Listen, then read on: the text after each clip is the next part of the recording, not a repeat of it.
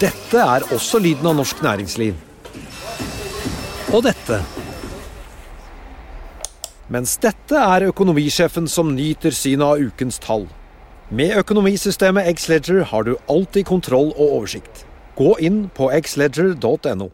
Denne sendingen er sponset av Xledger. Bedriften står foran et utfordrende veivalg, eller kanskje en krevende omstillingsprosess. Og alle snur seg til deg, som leder. Hvem kan du snu deg til da? I Nordea vet vi at også ledere trenger noen å spørre. Og at de beste beslutningene tas på et grunnlag av kunnskap, erfaring og ekspertise. Som din bankpartner er vi her for deg med råd og veiledning. For alt fra ansvarlig vekst til viktige omstillingsvalg. Så når alle spør deg, da kan du spørre oss. Finn ut mer på nordea.no, din bankpartner.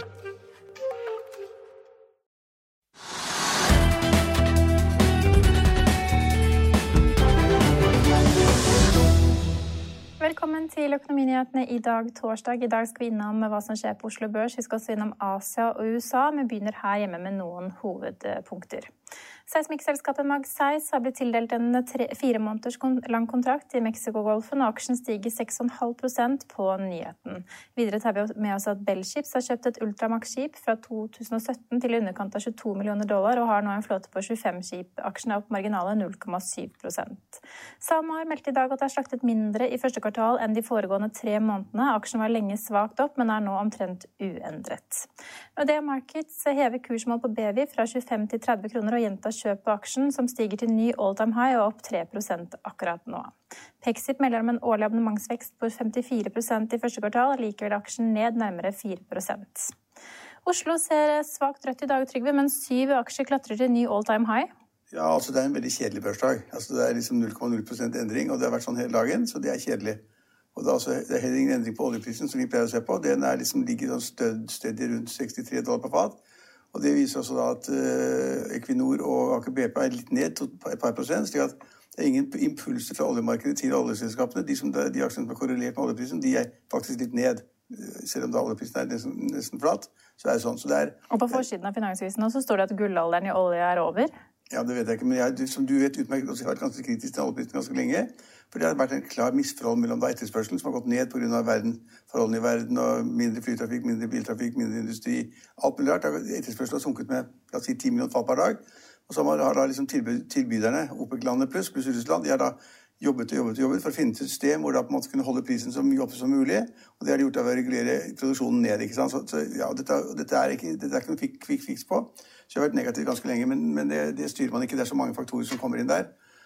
Eh, så oljeprisen har ikke hatt noen betydning i dag. Og for at det er helt flatt, og det er flatt, og det er få spennende ting. Men det er én ting blant de selskapene som da er all time high i dag, og det er Arendal Fossekompani, som er verdt å nevne. For det er liksom nesten sånn litt finans, finansmatematikk fra første semester.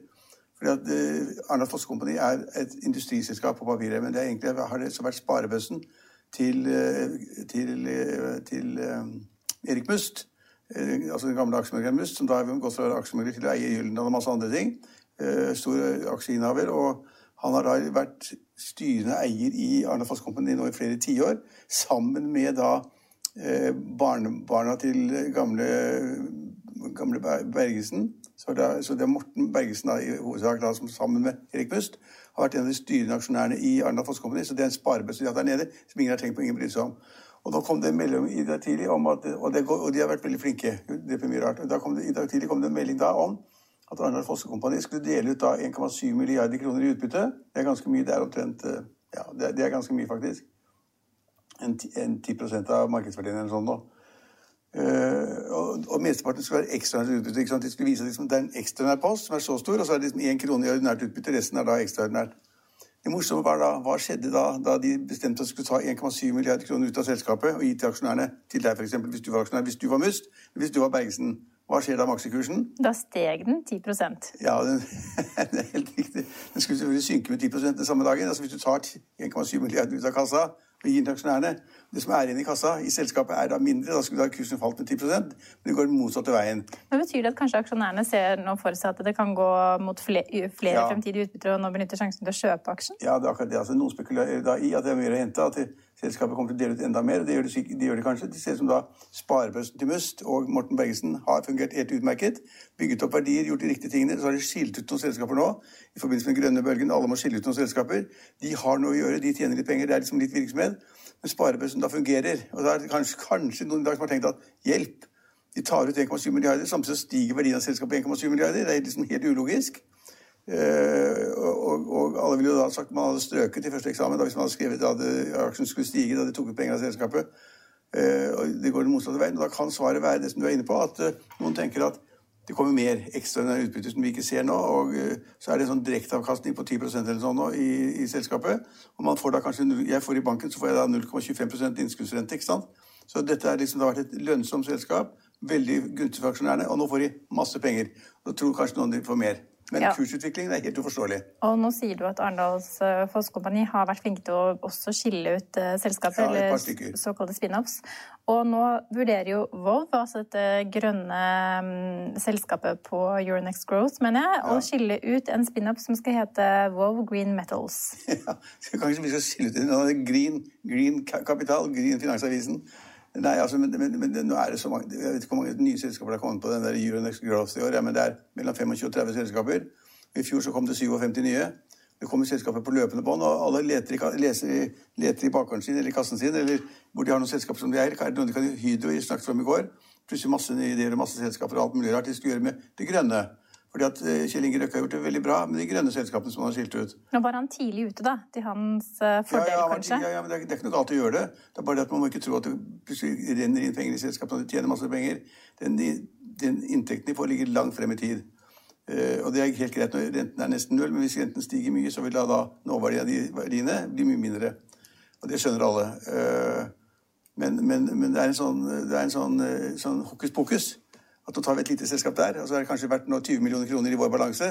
Tar vi det på børsen, så er det kanskje verdt 200, 250 millioner kroner. Gjør noen, og sånn driver med hele tiden, da. Ja, og det, dette spin-off-selskapet til Vov skal da være biokarbonvirksomheten, da. Som først og fremst ja, da noteres på Euronext Growth. Jeg har ikke peiling på det. Men iallfall så er det et morsomt tilfelle med at Arendal Fossekompani er den sparebøssen jeg trodde alltid har vært, og at Erik Must har kontrollert det sammen med Morten Bergesen. Et ikke så spennende selskap som vi snakker ikke så mye om, er Telenor. Men de har i morgentimen i dag meldt om en gigantfusjon i Malaysia og stiger 2,5% Ja, men Det er ikke det veldig mye, da. 2,5 hvis det hadde vært en kule. Men altså, det, det, de sier de skal gjøre, altså, og hvor da liksom, toppledelsen har vært i og forhandlet i nesten en måned De, de sier at de skal fusjonere da med et malaysisk selskap. Eh, og at eh, verdien av det samlede selskapet blir 100 milliarder eller sånn nå. Og i dag så har da Telenor en verdi på 250 eller 300 milliarder, jeg husker ikke, det er iallfall godt på oversiden av 200 milliarder kroner. så det er et stort selskap med betydelig verdi. Eh, og, de, de, og Malaysia så det, de sier at de skal ha flere titalls millioner kunder, og de tjener penger og alt mulig. Så det, er liksom for, det ser ut som Telenor gjør, gjør, gjør, noe riktig, sakte og forsiktig, og liksom fusjonerer med selskap i utlandet som de har masse kunnskap om, og det er riktig. Men det altså aksje, aksje men, men, men, vi har jo forskjell på disse russiske prosentene vi snakker ja. om på Euronex Growth-selskaper eller selskaper som har falt veldig mye, og så har vi disse små prosentene som tikker opp for det børsens største selskaper, som ja, selvfølgelig utgjør mye mer ja, da, men det er ikke, liksom, det er ikke at markedet sa hurra, og så sendte de kursen opp 10 det var 2% Ja, de sa kanskje hurra. ja, men, men det, er, det, er, bare bra. Men hvis vi holder på med disse, disse grønne selskapene, så Aker, altså Aker Clean Hydrogen er en av vinnerne på Oslo Børs med 7-8% oppgang. Så der der syns markedet det er veldig fint. De har kanskje noen prosjekter, eller hva de har sagt, men Ja, det skjer jo ting på hydrogensiden. Altså Everfuel ja. har jo inngått en intensjonsavtale i dag med shippingselskaper. Eller ja, ja, muligheten for å gjøre for shippingselskaper over på hydrogen. Er det noen som ikke gjør noe med hydrogen? Ja, du og jeg. vi gjør ikke så mye med hydrogen. Hydrogen publishing. Du kjører vel ikke elbil ennå heller, Nei, så det stikker unna av å kjøre på hydrogen? Nei, men, jeg, jeg, jeg, men hydrogenbåta. Kunne du tenke deg å ha det nede i Lyngør? Nei. Nei. Ikke, ikke elbåt, ikke hydrogenbåt men vanlig bensin. Ja. Jeg vet, da vet jeg hva det går om. Ja, Men hydrogen eh, er fortsatt eh, hot. Ellers så kan vi nevne at Stolt-Nielsen har lagt frem tall for første kvartal som viser en, at de doblet på driften. Og de jobber jo også med en spin-off, Trygve. Stolt Sea Farm. Men de leter fortsatt etter partnere, da. Ja, sier selskapet. Det, det, kjenner ikke det tilfellet, faktisk. Nei, Det er vel et oppdrettsselskap som de skal ta på børs. Vi er jo ikke imot hydrogen, altså en eh, CO2-fri eh, energikilde. Men det krever masse med energi for å få ut av denne energien. ikke sant? Du skal liksom, ja, Prosessen da ved å få da hydrogen ut, ren hydrogen ut, er, den er ganske komplisert og koster penger. Så det er ikke slik at alle som driver med hydrogen, tjener penger fra dag én. Tvert imot så er dette en lang prosess. Det er vanskelig å bruke. Og biler må bygges om, skip må kanskje bygges om. Det er masse rart. Og I en periode så snakket, snakket man jo bare om batterier til skipsfarten. Det, altså, kan du tenke deg hvor mange batterier du må ha? Hvor mye det vil ta lasteplassen, hvor komplisert det er. Og, så det, ting tar tid. og Det er ikke slik at liksom, man går fra vanlig strøm, som er da produsert på vannkraft, til plutselig, plutselig da så renner ikke like mye uh, strøm i hydrogenapparatet. Det gjør det ikke. Men tror du du og jeg og alle andre kommer til å renne til Sats idet de åpner for treningen? Ja, Da mener du, du mener trenings, treningsanleggene, ikke, ikke SATS? Ikke, ikke SAS? Ikke SAS, men SATS. Sats, sats. Selvfølgelig vil folk trene mye mer når de åpner. De har vært stengt lenge. Folk har blitt kjempeivrige på å gjøre noe. Så det vil, De vil strømme til der. Men det er jo slik at i de sentrene, i økonomien ligger der ofte i det at alle de som, eller veldig mange av de som har medlemskap, de bruker jo ikke. Så da er det plass til flere enn 100% liksom, av anlegget. Og folk vil trene masse mer etterpå. det er helt sikker på. Dette, dette savner man jo, så det er jo riktig. Det burde gjøre det. Og det er selvfølgelig en kjempenegativ ting at man kan stenge ned frisører, stenge ned treningssentre og stenge ned mye annet. Og når det åpner, så vil det bli mye større aktivitet. helt sikkert. Det vil bli masse flere folk i, i, i, i bokhandelen også, selvfølgelig. Kjøpe bøker som de mangler, som de savner. Og det vil mange flere som skal klippe håret. Har du tenkt på det? Kjøpe moteklær. Kjøpe moteklær. Sommer, sommergarderoben skal fornyes. Det er mange ting man ikke får gjort, og det skal man ta igjen. Når, det, men poenget er at denne avtalen som nå regjeringen har gjort med seg selv, foreløpig ikke Stortinget, det er en sånn firetidsrakett. Skal man gjøre noe, skal man se hvordan det virker Så trykker, skal man se, skal man se, skal man frem og tilbake. Ja, så Vi kan holde på en del frem og tilbake, men Kan holde på frem, frem, Ikke til jul, men til juli. Ja, men, men, det vi kan si er i hvert fall at for de som fulgte med i går, så tok jo da eh, aksjestrateg, eller sjefstrateg i Sparebank1 Markets, eh, Peter Hermanrud, sats inn i sin portefølje. Og i dag så er jo da en analytiker i samme meglerhus ute med en kjøpsanbefaling og kursmål på 28 kroner per aksje. Ja. Så for de som tror på trening, så er det i hvert fall sånn. Jeg, jeg kan ikke det godt nok, men det, det blir jo mer aktivitet der. Men om det blir mer penger i selskapet, vet jeg ikke. Hvis det, Nei, men når de åpner igjen, så kan de begynne For nå har de frosset abonnementene til ja men, hvis, ja, men hvis de bare beholder samme antall, så hjelper det ikke så veldig mye. Nei. Men hvis de har frosset abonnementene, som betyr at det er null penger i kassen, og de åpner abonnementene igjen, som betyr at man må begynne å betale, så går det jo fra null til 100. Ja, ja, ja, sånn er det bare. Hey, I'm Ryan Reynolds. At Mint Mobile, we like to do the opposite of what Big Wireless does. They charge you a lot, we charge you a little. So naturally, when they announced they'd be raising their prices due to inflation, we decided to deflate our prices due to not hating you. That's right. We're cutting the price of Mint Unlimited from $30 a month to just $15 a month. Give it a try at mintmobile.com slash switch. $45 upfront for three months plus taxes and fees. Promo rate for new customers for limited time. Unlimited more than 40 gigabytes per month. Slows. Full terms at mintmobile.com. Dette er også lyden av norsk næringsliv. Og dette. Mens dette er økonomisjefen som nyter synet av ukens tall. Med økonomisystemet Xledger har du alltid kontroll og oversikt. Gå inn på xledger.no. Men nå skal vi snakke om uh, timing, tenkte jeg. For vi, altså Jens Ultveitmo, han måtte Eller han solgte REC til Han solgte REC til Kjell Inge Røkke, som kjøpte det for slik jo ingenting. Så det ut som. Men på, på den annen side hadde REC masse problemer, og de hadde stengt en fabrikk i USA. Problemer med Kina fikk inn da det de produserte der. REC hadde bare problemer og kjempetap. Enorme tap. De måtte ta nedskrivninger. Så måtte han selges. Sannsynligvis sa banken at det der, nå, nå går det så dårlig med deg, du taper så mye penger du må i hvert fall bli kvitt de greiene der. Så solgte han det til Røkke for 1,50 kr aksjen eller et eller. Og så steg den til liksom 10 kroner eller 15 kroner aksjen eller sånt. Jeg vet ikke hva han står i nå. Men, men, men han, han solgte da helt på bunn, tvunget sannsynligvis. 17 kroner står det Ja. Jeg, jeg tror Røkke betalte 1,50 kroner, men jeg husker ikke helt. Ja. Men, men ja, i alle fall så har han da hatt problemer på mange steder. Han har tapt masse penger på sånn biodiesel borti i, i Sør-Amerika. Masse penger på REC har han tapt, masse penger på andre ting. Han har, kanskje han har vært litt tidlig ute med alt som har med grønn energi og biodrivstoff og alt, alt som det er. Det vet jeg ikke. Og så var han ute av shipping uh, uten store tap, tror jeg. Og så han, hadde han bygget opp da, en enorm sånn restaurantkjede som han da ikke hadde noen bakgrunn for i og for seg. Han var shippingmann og industrimann, så plutselig skulle han eie liksom pizza og hva heter det for Burger King og du vet dette. Ja, ja, ja. Hva heter det andre, da? Starbucks og jeg vet ikke hva. Da må han sikkert betale ned for rettighetene, så må han bygge om alle disse utestedene, så må det liksom nye plakater og alt mulig rart. Koster penger. Og dette har det vært vanskelig å tjene penger på. Og så har han hatt økonomi, dårlig likviditet nå i flere år. Og i dag kom det meldinger om at han har solgt av det til andre norske interessenter i et norsk, norsk annet selskap, ikke utenlandsk. Og han har fått aksjer i det selskapet som da overtar kjeden hans. Hvor mye vet vi ikke. ikke sant? Og hva det verdsatt til, vet vi heller ikke. Eh, Så det er ja, han, han, Men altså, det er jo noe med timingen her. Nei, men det han sier er det at eh, nå har jeg kontroll med økonomien min, og jeg har ikke noe gjeld. Det tviler jeg på, men eh, han sier det. og da, Derfor så har jeg gjort det når jeg mener det er riktig, og trekker meg helt ut av hele greia og overlater Umo restauranter eller hva det heter for noe, til dette andre selskapet. Ja, men hvis vi ser på Rex-silikon, da, det- var åpenbart en røkkeeffekt i aksjen som Den gikk jo voldsomt mye på at det var Kjell Inge Røkke som plukket opp Det eh, ikke så mye med en gang, da, men så etter hvert gikk den. Ja, det tok ikke lang tid. Nei. Men nå har den jo gått opp i 17 kroner, og, og det er jo ikke bare Røkke-effekten som har fått aksjen til å gå. Det har jo løsnet mye for selskapet også etter uh... Ja, ja, ja, den fabrikken som vi snakker om, den, hva heter den for noe?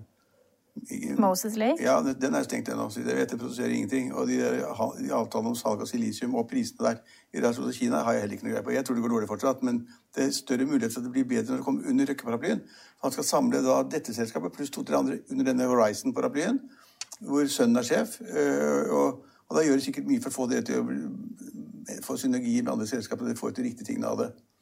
Så, Ja, men han var uheldig kanskje med timingen. Han måtte selge rett uheldig, på, og, uheldig, ja, og nå selger han restaurantkjeden rett før For- for- Norge åpner igjen. Nei, nei, men poeng, kan du ikke tenke deg hvordan det har gått hittil nå? Det Hvor mye penger det er tapt hver dag? Ja, men- men- Folk har ikke lov til å gå ut. De- Men plukket dette selskapet opp på billigsalg, da, eller? Nei, jeg tror ikke. Jeg tror at det er en kjempevanskelig bransje fremover. Store, store, store deler av kjeden har tapt masse penger. Eh, han har vel Peppers Pizza, de har kanskje tjent penger. Ja, resten har tapt eller sånn. Og, og, og det, liksom, det som har vært frem til nå, har jo vært liksom det, Ingen kan gå ut på den måten, så det er liksom Det, det er ingen kunder der heller. Uh, som det er på, i flyene. Det er ikke noen kunder på flyene. Det er ikke noen kunder på liksom, Det er ingen, ingen som leier, leier Nei, men på en del av disse kjedene så kan man jo faktisk ta takeaway, da. Det, det kan man sikkert gjøre, det har man også sikkert gjort. Men altså, det blir ikke store penger av det. Så han har sikkert funnet at mye å slite med, mange tusen ansatte, bare sur hele greia. Og det går dårlig, og så kommer da disse gutta som har kjøpt det, jeg husker ikke navnet på dem, men det var en, men det er noen som er fra bransjen faktisk. En har jobbet i Orca og et par andre sånne smarte typer som har bygget opp eh, kon- konkurrerende merkenavn. Og så så de sjansen til å si det at du bør ikke drive med det der. Det tar vi for deg. Vi er kjempegode, vi gjør de riktige tingene. Du skal få, noen aksjer fra oss, et, en viss form for oppgjør i, i aksjer hos oss. Ja. Og også en styreplass, sier Utvedtmo. ja. Så jeg tror ikke han, det er ikke noe sånn, at jeg tror det, det er ikke, ikke tvangssalg, helt sikkert ikke, men det, er, det, var, det var en satsing han gjorde som han ikke burde gjort. Som han, ja, han kunne ikke løpe rundt og kontrollere disse burgersjappene og solgte ut og inn og hvilke marginer det var på Kunne han ikke det? blader og Olav. Thon løper jo rundt og følger opp alle leiepriser og lokaler, Ja, ja, ja. og har han ikke tid til å sende noen Ja, det er bare én Olav Thon. Ja, en Olav Thon. Eh, da må vi kanskje over på boligpriser, Trygve. For det var kanskje noen Oslo-beboere som satte kaffen i halsen i dag morges når de så at prisene i Oslo falt i mars. Ja, de, de, de tallene viser da angivelig at de falt 1,2 eller 1,3 Eh, Nå har det gått så kjempemye før dette her, så før dagens melding kom, så har boligprisen i Oslo steget 15% de siste tolv månedene. 15. Februar var en kulemåned. og så, at det da kanskje svinger litt i en måned, det, altså det, det overrasket litt faktisk, men det har jo ingen, ingen betydning. Det kommer an på hva som skjer fremover. Og det er fremdeles slik at det er da for lite boligkrystall i Oslo. Men nå har det vært solgt veldig mye, slik at folk har plukket frem hva de har. Fått ut i markedet. Kjøperne har stått med åpne sjekkhefter og betalt det som var, hva de kunne. Og det kan, det kan, Noen sier nå at det tipper akkurat toppen. Det var helt toppen akkurat nå. Det tviler jeg på. Det kommer nok til å gå videre, men en mye svakere vekst. Men vi har da, og, vi, vi kommer ikke opp i 2016-nivå, da Oslo hadde en prisvekst på 26. Ja, det var i høyt på 20-tallet. 5-60 prosent. Og vi ligger 10 poeng bak det, da, på 15% men, Så det, det, det vil flate litt ut, men det er fremdeles underskudd på leiligheter i Oslo-området, så det vil da på en måte påvirke prisen etter hvert. Eh, Man får ikke direkte- og på lands, landsbasis, så du glemmer å si, altså Oslo falt litt, grann, men på lands, landsbasis var prisene faktisk opp. Ja. I snitt Jeg, 1,2 jeg glemte ikke å si det, men, men du kom meg Du var Ja, liksom 1,2 var det opp eller sånn på landsbasis. 1,1 opp Ja, ja, så vi, på og prisene stiger fortsatt. Det gjør de fortsatt. Og det kommer til å stige, tror jeg, med, med en helt annen veksttakt. For Ja. nå er folk, litt- litt, nervøse og litt forsiktige. Og Frank Ullem i Danske Bank mener at på kort sikt så tyder alt på et fortsatt stramt marked. Men for de som følger med på Finn, så var det et vårslepp av boliger nå etter påskeferien. Det, Det er vel ikke uventet? Det kommer vel alltid masse boliger ut Ja, på Finn det- det etter påske? Jeg er ferdig med påske, og så er det nær mot sommeren, og så skal man vaske og rydde og gjøre allting. Så skal man kanskje kjøpe seg en ny bolig, et eller annet. Så Markedene pleier å være ganske gode helt frem mot sommeren, men så, så liksom sakner det helt opp på høsten, og så kan, det kanskje falle litt på høsten også. Men markedet har fått en liten sånn dekke. Liksom, det er ikke, det er ikke, markedet kan ikke gå 4-5% hver måned. Det går ikke. Nå hadde vi da prisen pris, det var vel Obos, for i for februartallet så var det opp 5% eller sånn på en, på en måned, og det går ikke. Nei. Um, Tilbake til hverdagen. vet du. Tilbake til hverdagen, Men hvis man har grønne hageflekker og balkonger, så legger man jo selvsagt ut bolig eller leilighet nå, tenker jeg. Nå var kanskje tidspunktet. Skal du selge nå? Nei, jeg skal ikke selge. Eller kanskje jeg skal benytte sjansen til å si 'vil dere kjøpe'? Nei, da Ja, men det er jo Noen av konkurrentene våre har, og vi har også hatt en sånn morsom eksempel hvor de da lager et til fra en eller annen person som da for to år siden kjøpte en leilighet for to millioner, og nå solgte den for 2,3, og så halleluja. Det, det, ja, det er jo ikke helt sånn, da. Nei. Men det som kanskje er halleluja, det er R-tallet i Norge, Trygve. Ja, veldig godt poeng. Ja. Det er bra du tok opp det.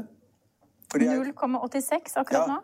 Ja, og, og, og det er ikke mer enn en dag eller to siden så snakket man om at liksom det var godt over igjen fortsatt, og det var vanskelig å få det ned, og myndighetene var veldig forsiktige. Folkehelseinstituttet var liksom å, vi må se hvordan det går, og dette går altfor sakte. og Vi må ikke bare vente på R-tall, men vente på det at det kommer antall smitter per dag er under 200, hvilket er kjempekrevende, for det har vært 1000 liksom, i lange tider.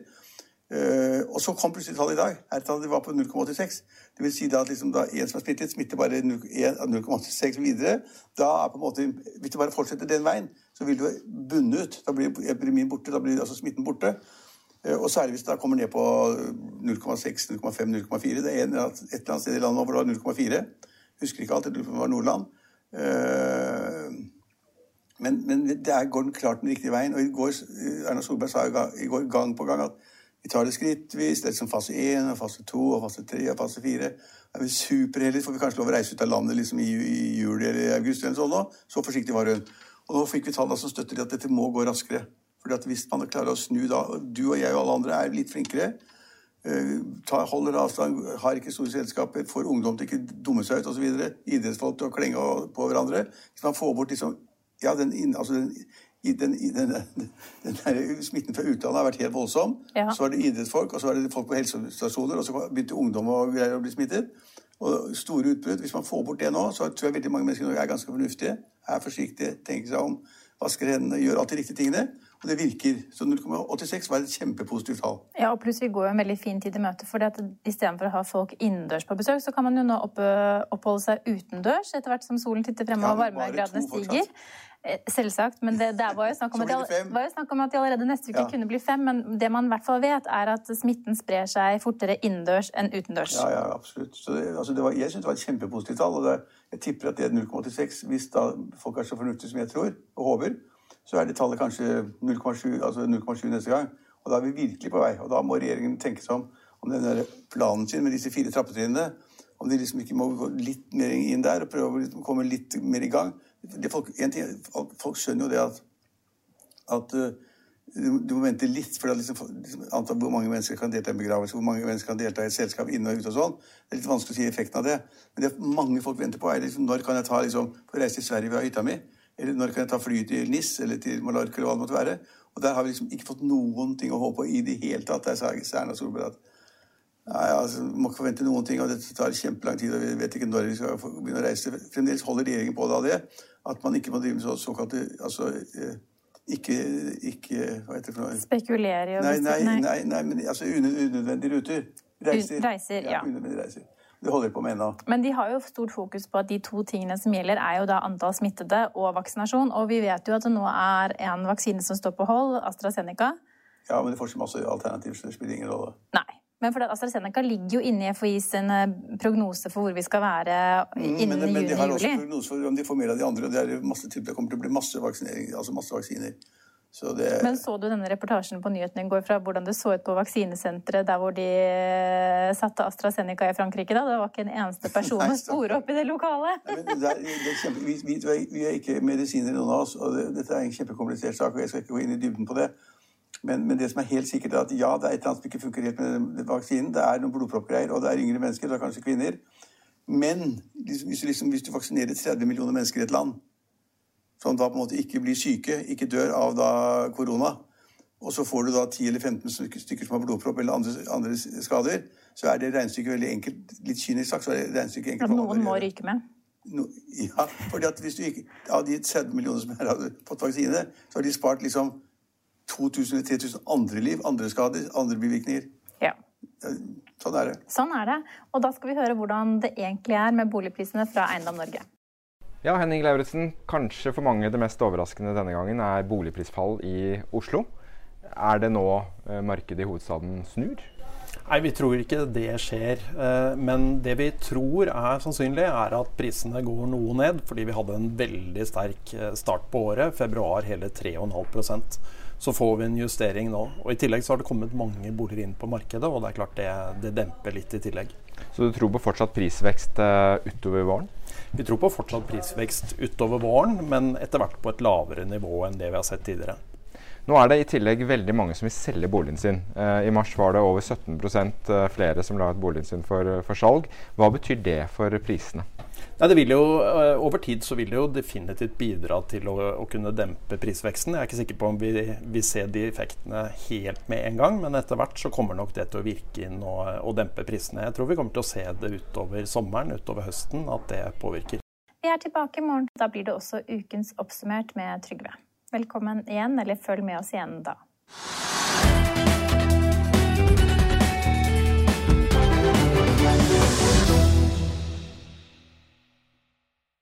Denne sendingen er sponset av X-Leger. ACAST powers the world's best podcasts. Here's a show that we recommend. Hi, I'm Jesse Cruikshank. Crookshank. I host the number one comedy podcast called Phone a Friend. Girl, let's phone a friend. Not only do I break down the biggest stories in pop culture with guests like Dan Levy and members of InSync, I do it with my own personal boy band singing jingles throughout. Because it's my show. It's your show, girl. New episodes of Phone a Friend. Yeah. Drop Thursdays wherever you get your podcasts. So work it, girl. Yeah, work it. Okay, that's enough. ACAST helps creators launch, grow, and monetize their podcasts everywhere. ACAST.com. Økonominyhetene er en podkast fra Finansavisen. Programledere er Marius Lorentzen, Stein Ove Haugen og Benedikte Storm Bamvik. Produsenter er Lars Brenden Skram og Bashar Johar. Og ansvarlig redaktør er Trygve Hegnar.